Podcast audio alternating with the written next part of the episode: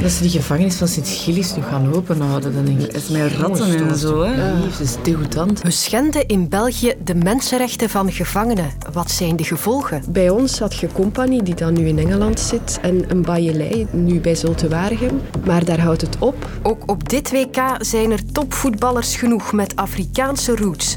Maar waar blijven de toptrainers? Ik dacht ook wel pleisters. En dacht ik, uiteraard, waarom denken die nu pas aan pleisters? dat is een supergoed ja, ja. idee. Eindelijk iets wat we dan echt gaan gebruiken. gebruiken, ja. En het Rode Kruis gaat ze niet meer verkopen. Maar zijn we nog gehecht aan stickers? Ik ben Sophie van der Donkt en ik nodig je uit om een kwartier te blijven plakken. Dan kom je het allemaal te weten. Zelfs de directeurs van de gevangenissen kunnen het niet meer aanzien. Bijna alle Vlaamse directeurs klagen de mensonwaardige toestanden vandaag aan in een brief. Die verhalen komen met regelmaat van een klok weer naar boven en dat wil dus ook zeggen dat er maar weinig verandert in onze gevangenissen. Hans Klaus, directeur in Oudenaarde, vertelde mij waarom hij de brandbrief ook ondertekend heeft. Dat is een vraag die me eigenlijk een beetje woest maakt, omdat iedereen weet dat in de Belgische gevangenissen meerdere mensen in een cel worden opgesloten die eigenlijk maar voorzien is voor één persoon. Hè. Dat is ondraaglijk. Hè. Dat, eh, die mensen hebben zelfs geen bed. Hè. Die moeten slapen op een matras. Hè. Dus ik denk niet dat ik daar nog heel veel aan moet toevoegen. Dat zijn gewoon mensenrechten schendingen. Beeld u zich in dat u op een cel moet leven van 9 vierkante meter met één of twee andere gedetineerden. Met één televisie, met één toilet. Dus wanneer dat u een aanvraag doet om, een keer eh, uw hart te gaan luchten, moet u misschien een maand wachten voor alleen men, men, u, men u roept. Een maand. Hè? Niet een paar uur, een maand. Hè? En ondertussen moet je je staande weten te houden tussen die andere gedetineerden, die ook met hun problemen zitten. Iedereen zit met problemen, heel veel verschillende achtergronden. Mensen die wij moeten samensteken, die elkaar zelfs niet verstaan. Dus die een andere taal spreken. De ene rookt, de andere rookt niet. De ene heeft psychische problemen, de, de ander komt voor de eerste keer, de ander komt voor de, voor de vijftiende keer binnen. De beelden zitten op het netvlies van de mensen. Dus men, men ziet die, die, die foto's, men ziet die mensen op die cellen zitten. Hè. Waarom moeten we dat dan telkens opnieuw uitleggen dat dit eigenlijk ja, toch niet kan in een beschaafd land? Dat de bottom, bij je zakken door die bottomline. Dan kan je toch niet verwachten dat gedetineerden dan zeggen: ah, van nu voortaan zal ik het beter doen. Als, als het systeem zelf je zo behandelt. Vraag is, wat voor gevolgen heeft deze situatie? Voor de gevangenen zelf natuurlijk, maar ook voor jou en mij, voor de hele maatschappij. Daarmee kon ik terecht bij Sonja Snakken. Ik ben professor criminologie aan de Vrije Universiteit Brussel. De gevangenis, dat is een aparte wereld voor veel mensen waar zij weinig over weten. Voor velen is het dan ook geen prioriteit om daarin te investeren, begrijpt u dat? Ja, de gevangenis is tegelijkertijd iets waar mensen soms heel erg in geïnteresseerd zijn, zeker als het over sensationele aspecten gaat, maar meestal weinig belangstelling hebben voor het doorsnee gebeuren en het doorsnee leven. De gevangenis is, is heel sterk in zijn symboliek van ja, de mensen die iets verkeerds gedaan hebben, die zitten daar achter die muren en dan moeten wij er ons niet mee bezighouden. En je ziet dat dat ja, heel erg omslaat als men dan iemand toevallig kent, een buurman of soms zelfs iemand in de familie, die dan ja, al dan niet onschuldig hè, in die gevangenis terechtkomt en dan ineens zegt, ja, maar dat is toch niet toe te laten hoe mensen daar moeten leven in die omstandigheden enzovoort. Dus die afstand die gecreëerd wordt, maakt inderdaad dat men daar soms onverschillig voor is, terwijl het wel belangrijk is voor ieder van ons wat daar achter die muren gebeurt. We zouden er ons beter wel mee bezighouden. Ja, en tegelijkertijd zie je ook dat er bijvoorbeeld gevangenisfilms heel populair zijn. De top 1 van de films is nog altijd Shawshank Redemption. Dus men heeft tegelijkertijd ook wel die fascinatie voor die wereld achter die muur en wat daar allemaal gebeurt. Er zijn een aantal heel interessante initiatieven die ook door de gevangenissen genomen worden, waarbij bijvoorbeeld buurtbewoners ook op bezoek kunnen komen en met gedetineerden spreken gewoon. Hè. Een uurtje aan een tafel zitten en met gedetineerden spreken. En dat is ook heel belangrijk om die afstand te overbruggen, omdat men dan ook ziet, ja, dat zijn gewoon mensen waar ook kan mee gepraat worden, die ja, ook, ook een aantal gelijkaardige bekommernissen hebben als wij. En het is belangrijk om dat doembeeld dat men heeft van oei oei, dat zijn allemaal heel gevaarlijke mensen, om dat te doorbreken. Ja. Gebeurt het vaak dat gevangenen slechter uit de gevangenis komen dan ze erin zijn gegaan? Dat ze achteraf een groter gevaar voor de maatschappij geworden zijn? Het is zeker zo dat men uit wetenschappelijk onderzoek weet dat bepaalde gevangenissen ja, meer leefbaar of overleefbaar zijn dan anderen. En wanneer mensen echt ja, zeer slechte ervaringen hebben opgedaan tijdens detentie, in tegenstelling tot dat, dat men dikwijls denkt van oh, dan gaan ze afgeschrikt zijn, ja, merk je dat ze dan dikwijls nog meer verbitterd buiten komen tegenover de samenleving en dat het inderdaad erger kan worden.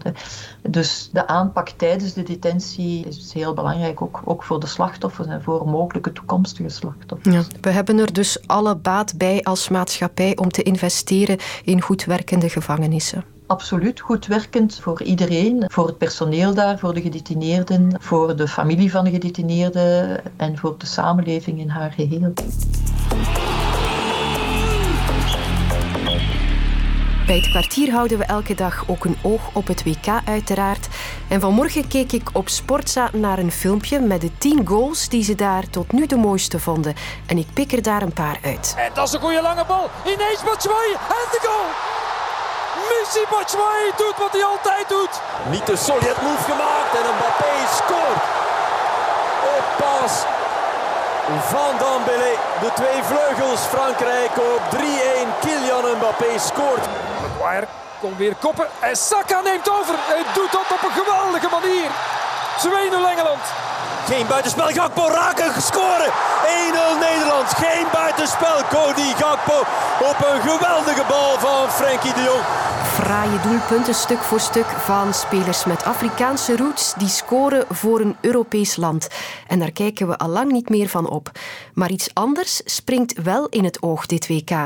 Even checken of ze dat op de redactie van het kwartier ook allemaal door hadden. Oh my god, gaan wij vijf, nee, worden? vijf bondscoaches van de Afrikaanse WK-landen. Wat valt jullie op? Uh, dat het geen blanke mannen meer zijn. Ja. Ja. Dat was het inderdaad. De vijf Afrikaanse landen op dit WK staan er allemaal met een Afrikaanse coach. Ghana, Cameroen, Senegal, Marokko, Tunesië. Geen van die vijf met een blanke trainer en dat is een primeur in 2022. Maar kun jij verder nog veel grote clubs bedenken met een Afrikaanse coach?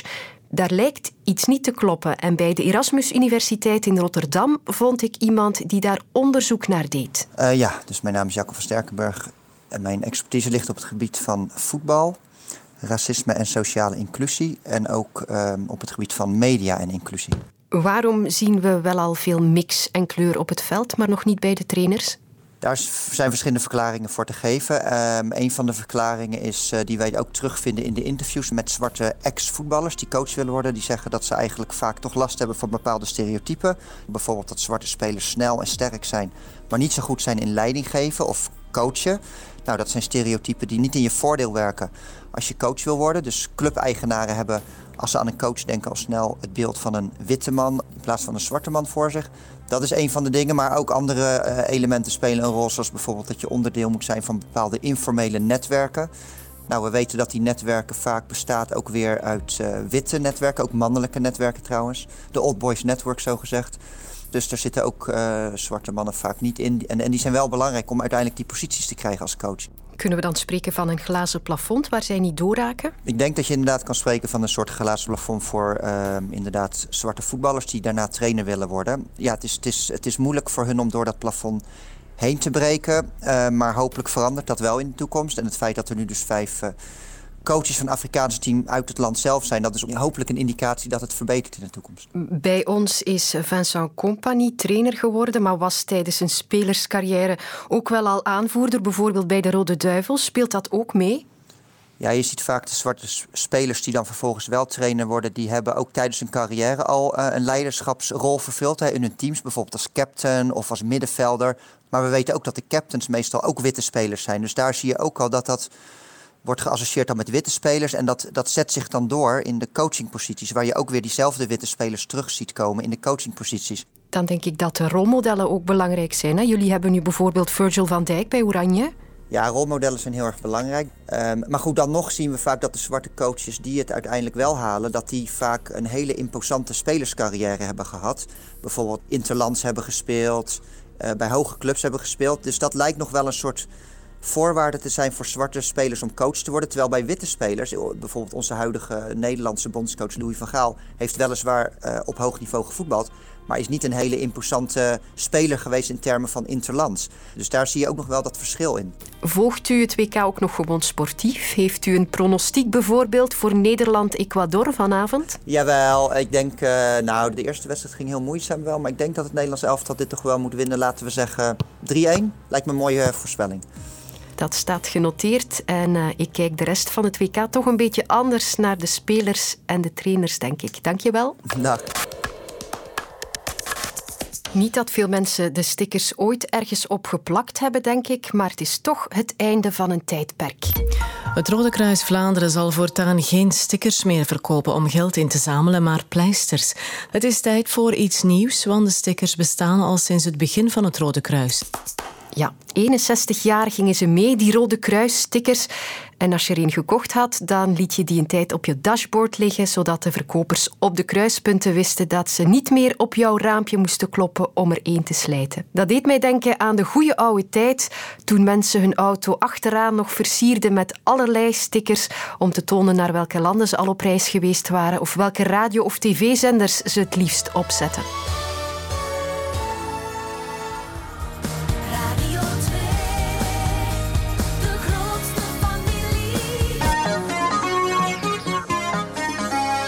Maar de enige stickers die ik nu nog zie op een auto zijn er om aan te geven dat iemand op LPG of CNG rijdt. Een beetje saai toch? Zouden die stickers nog een toekomst hebben voor allerlei promotie? Ik vraag het aan de vrouw die hier bij de VRT verantwoordelijk is voor stickers en nog veel meer. Ik ben Elisabeth, ik ben een marketingmanager. We hebben hier zo een bakje met, uh, met oude materiaal. En dan ja, zit je muntjes, meetlatten, uh, balpennen. Maar ja, de sticker is er eigenlijk altijd al geweest en we blijven dat gewoon doen. Ja. Er zijn ook mensen dat daar zelf nog naar vragen soms ook. Um, een beetje over alle leeftijden heen. Maar we zien wel dat wat we wel meer en meer doen, is dat dat niet meer gewoon, niet meer gewoon een sticker van een logo is. Dat we proberen iets meer mee te doen. Er moet veel meer op ja, de kleuren nagedacht worden.